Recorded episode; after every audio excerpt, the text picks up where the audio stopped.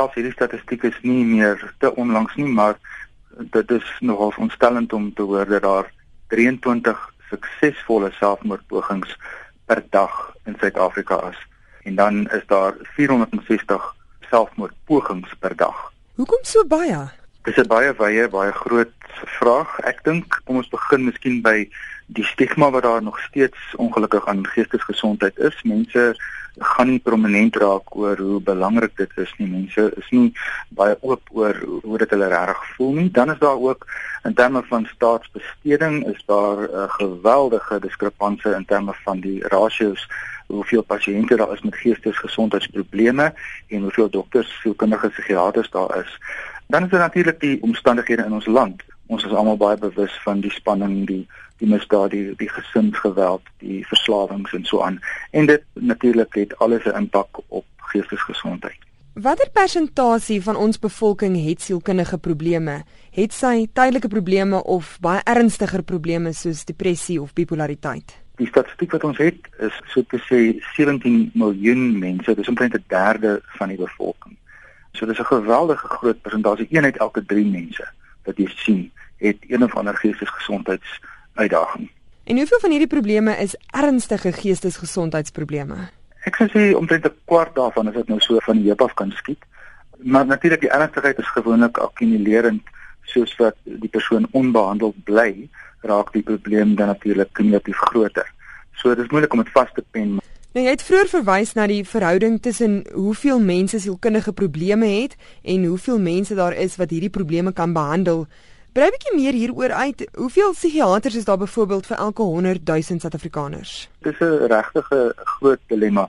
Net wat algemene praktisyns aanbetref, net om 'n bietjie konteks te gee, daar is dit rolweg 1 per 10 000 mense of 100 dokters per 100 000 mense. Beide psigiaters en sielkundiges is daar minder as 1% per 100 000 mense. As ek dit so 'n bietjie in konteks kan sit, ek het hier statistiek van 2012 dat daar toe 320 praktiserende psigiaters in Suid-Afrika was. Dit is een psigiater per 150 000 mense. Maar as ons hom 'n bietjie verder uitpak, dan is daar net 15% van mense het mediese fondse. En net 200 van hierdie 320 praktiserende psigiaters, net 200 van hulle is in die private sektor. En dit verander die statistiek nogal. 1 per 33000 mense in die private sektor sal toegang hê tot 'n psigiater, maar in die staatssektor is dit 'n psigiater vir elke 440000 mense. So in kort Christo, daar is te min opgeleide psigiaters en sielkundiges om pasiënte te behandel. Is dit 'n veilige gevolgtrekking om te maak? Dit is 'n baie veilige afleiding. So as jy enigsins voel jy het 'n matriek en jy wil nou gaan verder studeer, dit sou 'n goeie opsie wees. Jy het ook so vlugtig na befondsing verwys en uit dit wat jy nou genoem het, kan mens aflei die situasie veral in die staatssektor lyk like beroerd. Dink jy befondsing is die groot probleem? Ek dink Suid-Afrika het 'n groot uitdaging net in terme van primêre gesondheidsorg ek dink uh, dat 'n mens moet beweeg na primêre gesondheidsorg toe in die opleiding van nuwe registrasie kategorieë soos beraders of counselors soos hulle geregistreer is. Dit dit is al 'n goeie uh, vordering in in die regte rigting. Maar ek dink uh, daar is geweldig baie mense wat net 'n oor nodig het wat nie geïntimideer gaan word deur die probleem nie. So om mense op 'n meer algemene vlak op te lei. Ek dink aan organisasies soos Hospice en so aan wat wonderlike werk doen om mense op te lei, maar die mense is nie toegerus nie en die behoefte raak net eksponensieel groter. So die probleem vererger, maar die befondsing word nie meer nie. Ons weet wat die situasie in die land is met met fondse en so aan omdat geestesgesondheid nie eintlik bespreek word vreeslik nie en daarom die Suid-Afrikaanse Depressie en Angsgroep ongelooflike werk met bewuswording en befondsing en so aan. Maar omdat dit so half onder 'n dekmantel is, daar's nie vir druk om befondsing te verhoog nie. So ehm um, die probleem word groter, dit sien ek daagliks. Na 26 jaar in praktyk kan ek vir jou sê die behoefte is ongelooflik groot. Sonder geld kan 'n mens maar min doen in die lewe, né?